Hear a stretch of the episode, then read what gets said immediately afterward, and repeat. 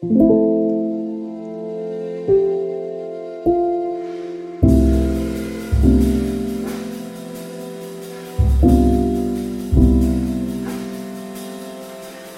det att prata om allt? Är det till och med nödvändigt? Det här är en podcast som utforskar påståendet att hälsosamma relationer börjar med att våga säga som det är. Följ med in i en sårbart stark värld av både tårar och skratt. Varmt välkommen till Pingst Relationer.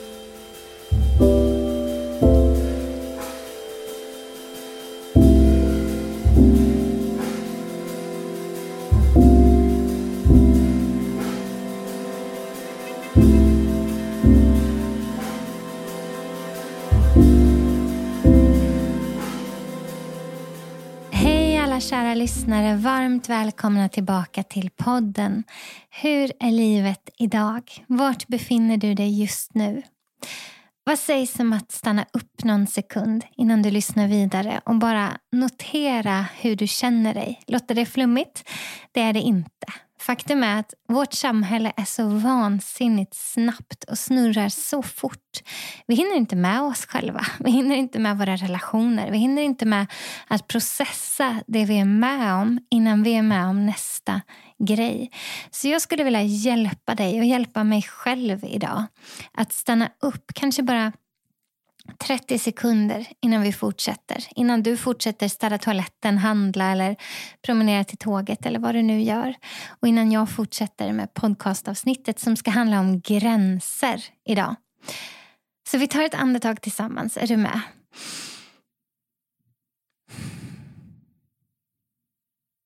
Ett andetag som Gud har skapat och som ger oss förutsättningen att stilla oss, samla oss, finnas lite mer fokuserade här och nu. Någon har sagt att allt vi har är nuet. Imorgon har vi inte sett det nu och igår är redan över. Men idag, den här stunden, det här andetaget, det har vi. Var dag har nog av sin egen möda eller nog av sin egen börda. Var dag är nog i sig. Så just nu räcker fullt ut att fundera över. Så vart befinner du dig? Är du arg? Är du hungrig? Är du trött? Är du glad? Är du förväntansfull? Är du frustrerad? Är du i sorg? Är du pollenallergisk? Vart befinner du dig? Hur känner du dig på insidan? Är det rörigt eller är det ordnat? Är det fullproppat eller finns det utrymme? Vad ser du fram emot just nu? Vad är du tacksam för just nu? Vilka tankar är det som snurrar i ditt medvetna? Vilka tankar är det som oftast snurrar vid den här stunden? Vilka känslor genererar de tankarna? Vad gör det med din kropp? Går det att identifiera och upptäcka? Idag skulle jag vilja prata med dig om gränser. Vi har gjort det förut här i podden men jag får in så många frågor om det. Om att göra en fortsättning och om att säga mer om det. Så idag så kommer det med löfte om att det ska vara ganska så praktiskt. Därför vill jag börja med det här. Att vi gör oss själva medvetna om hur vi känner oss, vart vi befinner oss och hur vi faktiskt mår. Varför? Jo, för att så fort vi är medvetna och närvarande så är vi också mer mottagliga för att höra vad som kommuniceras och mer mottagliga för att faktiskt kunna applicera det. Ofta när vi lyssnar på saker så applicerar vi det som teoretisk kunskap som gäller någon annan. Men om vi lyssnar utifrån en plats av att faktiskt ha gjort oss medvetna om vart vi befinner oss, hur vi mår, vad vi tänker, hur vi känner, vad som händer i kroppen just nu, så blir det information som vi också ser kan hjälpa oss personligen. Det är jättemycket kunskap som hela tiden snurrar och ges oss, men den hamnar inte alltid i kategorin av att praktiskt och konkret kunna hjälpa oss, därför att vi inte gör den personlig. Och för att göra den personlig så måste den bli en del av vår medvetna tanke. Vi människor tänker som bekant, som jag har tagit upp många gånger här i podden, 50 till 65 000 tankar varje dag. Det är lite olika beroende på vilken studie man, man utgår ifrån, men det är extremt många tankar. Många ord, många meningar, många formuleringar, Många snurrande tankar varje dag och de allra flesta av dem, ungefär 70 procent, är helt omedvetna. Och vi vet att cirka 90 95 av de här tankarna snurrar på repeat. Samma, samma, hela tiden. Hela, hela tiden. Det finns många studier som visar att majoriteten av tankarna dessutom är negativa. Oro för sånt som aldrig kommer att hända eller att vi planerar och vi agerar som om vi har kontroll över morgondagen. Vi tänker ut scenarios och vi tänker ut olika situationer och vår respons på olika situationer för att försöka ha kontroll över det som ännu inte är. Istället för att vara här och nu som jag hoppas att vi kan vara i den här podden. Jag vill så gärna att vår inre värld ska bli mer hälsosam. Och eftersom den här podden handlar om hälsosamma relationer så börjar jag ofta i vår inre värld. Därför att den påverkar allt det som är runt omkring oss i vår yttre värld och våra relationer. Vår självbild, vår gudsbild och vår människosyn går alltid hand i hand. Hur vi behandlar oss själva har allt att göra med hur vi behandlar varandra. Hur vi tänker om oss själva driver oss alltid till olika känslor och beteenden. Och Det bästa sättet att skapa mer närvaro och medvetenhet i sin tankevärld är att inte lyssna passivt på information utan lyssna aktivt och medveten om vad som dyker upp inom oss. Så idag när vi ska prata om gränser så vill jag att du försöker lyssna och faktiskt se ditt eget agerande framför dig. Inte som en kritiker som tänker oh, varför gör jag så där och det där har jag gjort fel eller oh, det där borde jag inte ha gjort eller oh, jag gör alltid så där. För där har du en värdering av anklagelse i rösten. Och då blir det en negativ tanke som snurrar när du lyssnar på det här samtalet. Så lyssnar du utifrån att du anklagar dig själv för att du inte redan är framme. Om, om jag kan utmana dig i någonting så skulle det vara att istället ha en, en slags nyfikenhet, en undran när du identifierar någonting i det jag säger som oh, det där skulle jag gjort annorlunda. Att istället formulera det som jag undrar varför jag gör så där. Skillnaden i det blir nämligen medkänsla och trygghet inom dig. Att Det är okej okay att fundera och det är okej okay att reflektera. Det är okej okay att processa. Det är okej att önska ett förändrat beteende. Men utifrån nyfikenhet och en, en liksom vilja och längtan efter att lära känna sig själv bättre, förstå sig själv bättre, förstå vad man har i ryggsäcken bättre, förstå hur kartorna har målats upp inom en bättre, förstå varför det är de här tankarna som snurrar på repeat, förstå varför jag förhåller mig till gränser eller brist på gränser på det här sättet. Eh, förstår ni vad jag menar med det? Att, att lyssna inte utifrån en värderande anklagelse utan utifrån en nyfiken undran.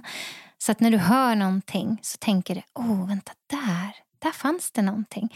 Där finns en möjlighet för mig att växa, att utvecklas, att utmanas, att, att eh, se en förändring inom mig själv och i relationen till andra. För att få bästa upplevelsen av det här avsnittet så rekommenderar jag att du går tillbaka och lyssnar igenom avsnitt fyra i säsong ett. Eh, där pratar vi nämligen om gränser och hjärtat och lägger grunden för det här avsnittet. Men för dig som inte pallar det så kommer här en väldigt kort summering. I det avsnittet så pratar jag om vad det är att följa hjärtats röst och vad skillnaden mellan en gräns och en mur är när det kommer till att skydda våra hjärtan och våra relationer. Jag refererar till en del spännande forskning, jag tycker den är jättespännande i alla fall, och lägger grunden i att gränser är något gott och till och med gudagivet. Så med det som bas och med en medvetenhet om vart vi är just nu så ska vi idag bli ganska praktiska och prata om hur vi sätter gränser och vad som händer i våra relationer när vi gör det. Den enklaste relationen att börja med är den med dig själv. Men också den svåraste att faktiskt genomföra. Så I serien som handlar om behov och kartor och ryggsäckar så pratar jag en hel del om självmedvetenhet och förstå vad man har med sig och vilka behov som möjligtvis inte har blivit tillgodosedda och vart man kan ha triggerpunkter och smärtsamma punkter. Eh, det är jätteviktigt att ha med sig det in i samtalet om gränser också. Därför att allt det som vi agerar ut är en konsekvens av det som har blivit agerat in. Allt det som har skapats in inom oss är sen det som genererar uttryck utåt. Så relationen till dig själv eh, kan innehålla så enormt många nyanser när det kommer till gränser. Så enormt många varför. Och det är någonting vi ska kika lite på nu. När du är tydlig med dina gränser, ditt ja och ditt nej, så skapas tillit och trygghet i din relation till dig själv. Och när du gång på gång går över dina gränser med dig själv så skapas en disharmoni inom dig och en osäkerhet från ditt eget hjärta kring huruvida du kan lita på dig själv. Om du i samtal med dina närmsta säger oh, jag borde inte ha tackat ja till den där uppgiften, jag skulle sagt nej, egentligen har jag inte tid. Då har du definierat för dem i relation med dem, i dialog med dem, att här fanns en gräns och jag skulle ha sagt nej. Där finns det alltid konsekvenser som vi kan känna inom oss, i vår kropp. Att vi får huvudvärk, att vi känner oss stressade, att vi liksom får lite klie, kliexem på kroppen, att vi får ont i magen, att vi sover lite sämre. När vi har passerat en gräns då är det som att vi har gått emot det som är kroppens naturliga försvar. Du vet, vi har ju ett immunförsvar som ska hålla bakterier och eh, virus och infektioner ifrån oss och släppa in det som är gott så att vi kan hålla oss hälsosamma. På samma sätt så har vi ett emotionellt skyddssystem och ett gränsdragningssystem där vårt ja och vårt nej och gränserna vi sätter håller oss hälsosamma i vårt känsloliv. Men även kroppen påverkas av när vi går över gränserna. När vi säger nej till någonting som vi skulle sagt ja till eller vi säger ja till någonting som vi skulle sagt nej till. Så när du har identifierat det i relation till någon annan och sen i nästa samtal med den som du har tackat ja till inte yttrar det nejet så uppstår en förvirring inom dig som gör att nästa gång du hamnar i en situation där du egentligen vill säga nej så finns inte kuraget och backningen från eh, instinkten, magropen, hjärtat, ryggradsreflexen, hur du nu vill uttrycka det. Utan gränsen har blivit otydlig. Bibeln säger att om en familj är splittrad kan den familjen inte bestå i Markus 3.25. Jag tycker om den engelska översättningen där det står att a house divided cannot stand. Att ifall att det finns motsatsförhållande här mellan det som du egentligen vill och det du agerar så skapas en splittring som gör att du faktiskt bryter ner tillit och trygghet med dig själv. Här har jag fått öva massor. Jag tog upp det redan i förra avsnittet som släpptes för två år sedan och det är inte mindre aktuellt för mig idag. Jag övar fortfarande jätteofta, varje vecka. Men jag utvecklas. Eh, och numera kan jag se varför jag inte vill säga nej till saker. Jag vet vilka lögner och vilka rädslor som ligger till grund för det. Jag vet vad det är jag har med mig i ryggsäcken som gör att jag är benägen att passera gränser för att inte förlora relation. Och jag vet också vad det faktiskt har kostat mig fysiskt och mentalt att göra så. Men jag har också nu tillräckligt med erfarenhet med mig som visar att det faktiskt är en lögn att relationer bryts när jag säger nej. Utan snarare finns det nu bevis som säger att relationerna snarare stärks när jag är tydlig och trygg. Det är så viktigt att det här motsatsförhållandet som ibland uppstår är någonting som vi försöker överbrygga med tillit. Det vill säga, ibland, ibland går det inte. Ibland har vi sagt ja till någonting som vi borde sagt nej till eh, och då får vi genomföra det. Men ibland går det. Ibland går det faktiskt att ta tillbaka ett ja som skulle ha varit ett nej. Och Då får vi be om ursäkt, vi får ta ansvar, vi svarade för tidigt. Jag kommer tyvärr inte ha möjlighet att genomföra det här. Och den gränsdragning som det innebär skapar inte bara mod att nästa gång säga nej innan du säger ja så att du slipper ta tillbaka det. Utan det skapas också en trygghet inom dig som gör att du har utrymme nästa gång att reflektera, stanna upp, känna efter, be om lite mer tid innan du svarar eller att säga Eh, tack så jättemycket för frågan. Eh, tack för förtroendet. Jag kommer behöva bolla det med familjen för att se vad som funkar för oss. Alltså det, det, det kommer bli okej okay för dig, mer okej okay för dig när du har satt den gränsen en gång. Det blir lättare och lättare. Det är som en muskel som vi får öva upp. Det blir lättare och lättare. Det här har jag fått öva jätte, jättemycket på. Till exempel när jag får en väldigt kort deadline på en fråga. En förfrågan om att eh, tala i något sammanhang eller en förfrågan att eh, skicka någon snabb film till någon i något sammanhang. Vilket jag ju väldigt gärna gör. Jag älskar ju att vara ute och tala och att skicka filmer och att, att eh, skriva saker och vad det nu kan vara. Men om deadlinen är för kort och jag egentligen bör säga nej eh, för att kunna vara respektfull och hedra min familjs tid, min vila och det som är mina primära arbetsuppgifter då behöver jag ta ställning till förfrågan och inte vara orolig för att det här var sista gången de frågade. Det här var den enda chansen jag fick till den här frågan. Och om jag säger nej nu så kommer jag vara borträknad för all framtid. För det är bara lögn. Och det har att göra med mina egna triggers och min egen rädsla av att vara okvalificerad eller oönskad. Och jag vet att det inte är sant. Och numera kan jag identifiera att den känslan dyker upp. Man kan kalla den kanske för någon slags FOMO, fear of missing out. Men jag skulle säga att i mitt fall, det kanske är så för dig, men i mitt fall så är det snarare rädslan av att mista relationen. Att den, om jag säger nej nu så är relationen eh, körd.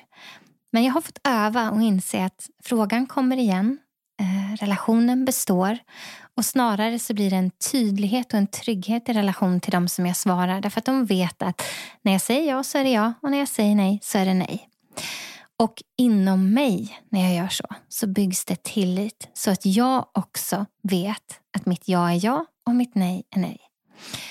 I relation till de närmaste runt omkring oss så är det här med gränser också otroligt viktigt för att tillit ska kunna byggas inom relationerna men också för att tillit ska kunna byggas från eh, familjens enhet jämte resten av världen. Alltså om vi, om vi har eh, bilden av en familj, men den, familjer kan ju se ut på alla möjliga sätt men om du föreställer dig de som är närmst dig om ni har ramar och gränser som håller det som är viktigt för er familj tryggt så är det otroligt viktigt för hur, för hur de runt omkring förhåller sig till er, att de gränserna hålls. Eh, men det är också viktigt för att skapa långsiktig förväntan inom familjen och till exempel hos barnen eller din respektive att trygghet kan förväntas och löften kommer hållas och att familjens tid är viktig på riktigt. Det kan vara någonting så enkelt som om till exempel fredagsmyset är någonting som värderas högt hemma hos er att det är tid som inte slarvas med. Då finns det en gräns kring fredagsmyset som skapar förväntan på kontinuitet och tillit med dem runt omkring er. Och, och det slutar kanske att fråga om ni kan göra saker utanför hemmet på fredagar eftersom de vet att det här är familjens tid. Eller så frågar de på ett sätt som inte tar för givet svaret utan som lämnar beslutet i familjen som helhetshänder. Och det här är otroligt viktigt. Det kan såklart gälla andra saker än fredag fredagsmys men det är ett ganska tacksamt exempel eftersom många av oss värderar fredagsmyset eller om det är lördagshänget eller söndag eftermiddagen eller vad det nu är hos dig. Om de runt omkring oss vet att det här är familjens tid och att ni som enhet behöver vara överens om fler släpps in i den så skapas också en trygghet eh, kring Alltså inom familjen men också familjen jämte omgivningen. Och barn, om det finns barn i familjen, de behöver desperat trygg anknytning till vuxna för att kunna utvecklas väl. För att deras emotionella system, för att deras tankevärld och känslovärld och deras kroppsuppfattning och deras gränsdragning och deras relation till sig själv och till andra ska kunna funka väl så behöver de trygg anknytning till vuxna. Så när vi har sagt att någonting är viktigt så behöver vi också visa med våra handlingar, framför allt till barnen men också i relation till varandra, att det är det. Ibland har det hänt att jag har varit iväg och, och mött ungdomar på deras samlingar på fredagar. Jag säger inte ja till sånt ofta, men det har hänt. Och eftersom fredagsmyset är en sån här viktig sak i vår familj så har jag tagit för vana att alltid kommunicera det och meddela barnen tydligt att det här kommer hända nu och det avviker från normen. Det här är inte något som ni kan förvänta er i det långa loppet utan det här är ett undantag. Mamma har tackat ja till den här saken och vår fredagsmystid är ju så viktig för mamma så jag vill berätta det för er. Hur känner ni inför det? Och i den mån det är möjligt så frågar jag faktiskt alltid barnen innan jag tackar ja. Varför då? Jo, för jag vill att mina barn ska lära sig att gränser som vi sätter upp som familj är viktiga. Inte bara att vi förväntar oss att barnen håller gränser vi sätter upp utan de är viktiga för mamma och pappa också. Barnen ska kunna räkna med vår närvaro lika mycket som vi liksom förväntar oss deras. Det här skapar en karta inom barnen som ger dem trygghet i att deras gränser ska och bör hållas. Det som vi modellerar för barnen ger dem nämligen information om vad de kan förvänta sig av sin omgivning när de är stora nog att fatta självständiga beslut. Mina barn är fortfarande små så fredagsmyset är liksom inget de vill släppa eller vill bli av med. Men en dag är de större. Och då är min stora längtan att det finns en bas av trygghet, kontinuitet och tillit till vad som är viktigt för oss.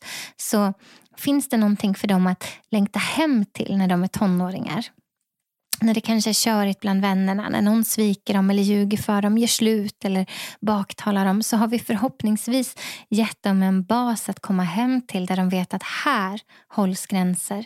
Här respekteras tid. Här finns det tillit och att längta hem liksom, för att där finns någonting som står i kontrast till det andra.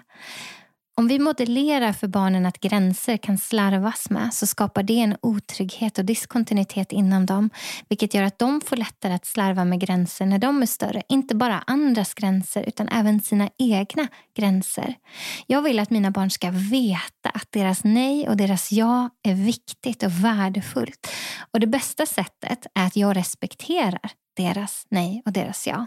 Och det näst bästa sättet är att de ser mig respektera mitt eget nej och ja och deras pappas nej och ja. Därför att det är så kartan målas. När det kommer till barn och barnuppfostran är det också viktigt att tänka på områden som personlig integritet och gränser som har med kroppen att göra. Jag förespråkar starkt att lära barn självbestämmande över sina kroppar. De ska inte tvingas att krama främlingar. De ska inte tvingas att ens krama mormor om de inte vill. Att lära dem att känna efter vart de har sitt ja och sitt nej när det kommer till kroppen och dess integritet är oerhört viktigt. Men minst lika viktigt som att lära dem att sätta gränser är att vi lär dem att vi håller gränserna de sätter. Och hur lär vi dem det? Jo, genom hur vi agerar och vad vi säger. Annars lär vi dem att gränser inte betyder något. Och Det blir dessutom en förvirring och en splittring inom dem kring vad vi säger och vad vi gör. Så vad händer då när de hamnar i en relation längre fram där gränsen blir suddig och de är osäkra på vart de har sitt ja och sitt nej och en annan persons ja eller nej är väldigt starkt. Hur, hur finns det då en trygg röst inom dem som ger dem tillit till sin egen vilja. Vi vill skapa trygghet i barnen och vi behöver därför förstå att det vi modellerar inte bara är i relation till dem utan vad vi visar dem genom våra egna gränser ger dem kartan för deras framtid. Vi föräldrar har ett enormt ansvar kring gränser. Och här kommer ett sånt här tillfälle då det finns en risk att du tänker åh nej, åh nej, varför har jag inte gjort så här och jag har agerat så här och varför gör jag alltid så här? Och kom då ihåg vad jag sa. Den anklagande rösten är inte välkommen här. Den värderande rösten är inte välkommen här. Utan det jag önskar dig det är ett nyfiket reflekterande. Jag undrar varför jag har svårt med det här. Jag undrar varför det här ofta blir ett problem för oss. Jag undrar hur gränser sattes när jag var liten. Vad är det jag har blivit lärd? Vad är det jag har blivit visad?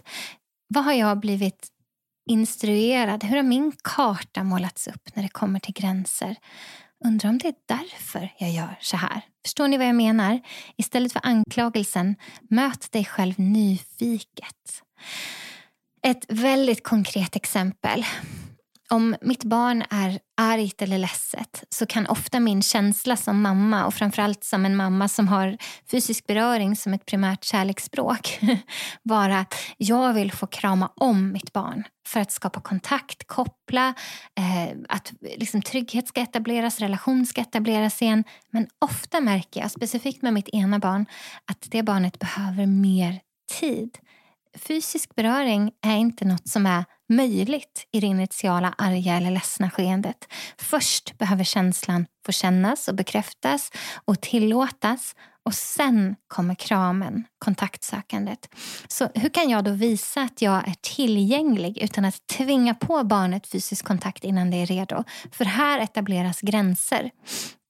Ett exempel då, om mitt barn är väldigt argt och jag säger får mamma ge dig en kram? Och svaret blir nej, jag vill inte. Då säger det är okej okay att du inte vill. Du behöver absolut inte krama mig. Jag kan se att du är jätteupprörd och ledsen.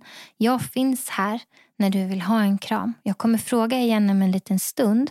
Men du ska veta att du behöver inte kramas förrän du är redo och om du inte vill. Men jag är här och så sätter jag mig så att jag är i höjd med barnet. Att min blick är redo att se när det finns tecken på kontakt. Kanske att jag efter en stund håller ut handen och så får barnet själv välja om barnet vill ta handen. Och Då är det en inbjudan till kontakt och kanske att det finns en kram då som kan hjälpa barnet att komma liksom ner i varv och känna trygghet och tillit i relation igen.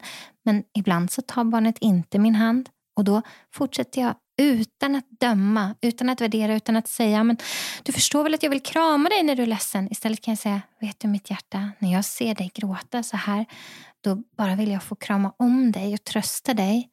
Hur skulle du vilja att jag tröstade dig nu? Ska jag bara sitta här en liten stund? Och Där är det viktigt att vi erbjuder ett exempel. För ett barn som är väldigt upprörd, nu pratar jag om större barn, det här är ju inte med tvååringar. Liksom då får man använda ett annat språk. Men att erbjuda ett konkret exempel som barnet kan ta ställning till. Därför att de vet ofta inte, de kan ofta inte formulera själva hur de vill bli tröstade. Men vi lär dem att eh, svaret, att, att, eh, vad ska jag säga, att ehm, eh, det rätta bemötandet är något som de äger.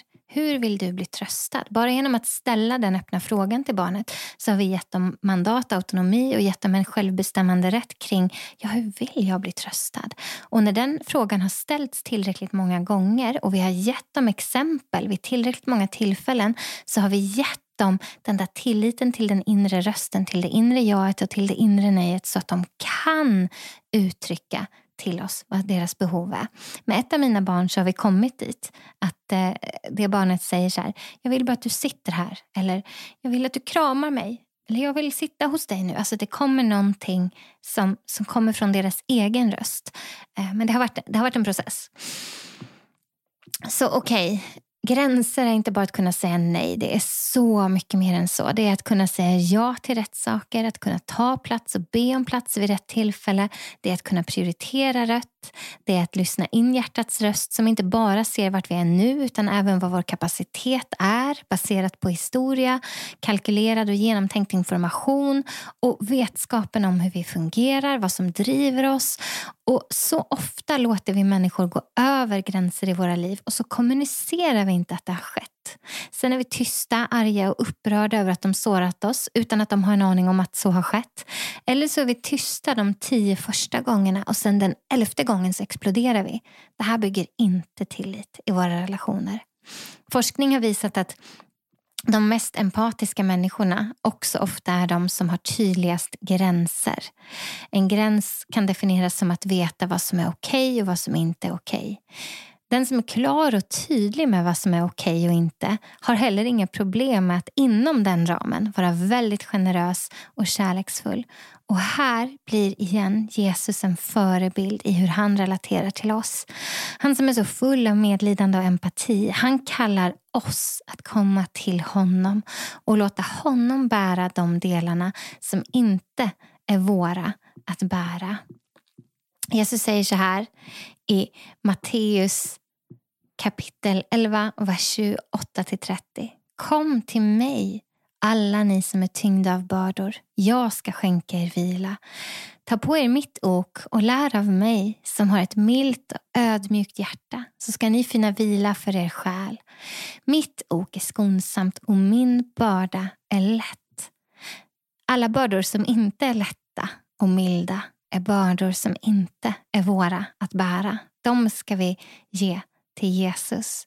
Så när vi har kämpat med det här med gränser och när vi märker att gränser har passerats i relation till oss själva eller till andra, då får vi ge det till Jesus och vi får säga att det här är inte så lätt. Kom och hjälp mig, kom och läk mig. Kom och hjälp mig, kom och läk den här relationen. Kom och bär den här bördan och bär mig, för jag kan inte själv. Och det som händer då det är att han som är den gode herden, omsorgspastorn själv, vår själs läkare och själavårdare. Han säger att mitt ok är skonsamt och min börda är lätt. Och så får vi komma till honom där vilan finns och där han hjälper oss i våra relationer med varandra och oss själva. Och så får vi påminna oss om att gränser är kärlek, empati och medlidande. Det är inte i motsatsförhållande till gränser utan det är ofta en förutsättning för det.